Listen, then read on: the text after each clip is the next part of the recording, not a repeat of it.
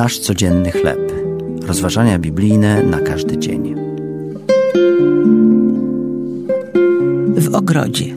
Tekst autorstwa Joe Stowella na podstawie Ewangelii Mateusza, rozdział 26, wersety od 36 do 42. Moi przodkowie byli pionierami w stanie Michigan.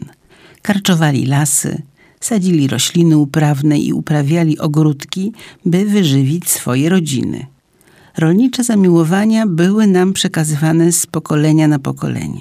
Ponieważ mój tata wychowywał się na farmie w Michigan i kochał ogrodnictwo, ja mam również podobną skłonność i kocham zapach żyznej gleby.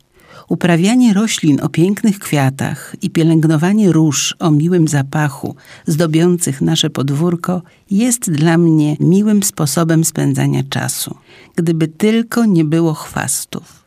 Gdy muszę z nimi walczyć, przypomina mi się ogród Eden.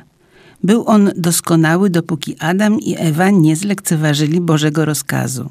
Ciernie i osty stały się dla nich i dla każdego ogrodnika codzienną rzeczywistością. Biblia wspomina również inny ogród, Getsemane, gdzie Chrystus w ciężkim utrapieniu błagał swojego Ojca, by znalazł inny sposób na odwrócenie konsekwencji grzechu, które wzięły swój początek w Edenie. W Getsemanie Jezus poddał się swojemu Ojcu, wypowiadając słowa całkowitego posłuszeństwa w obliczu ogromnego bólu.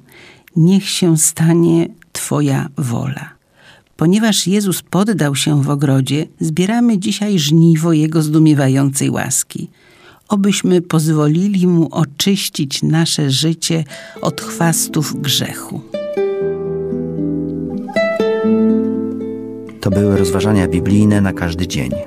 Nasz codzienny chleb.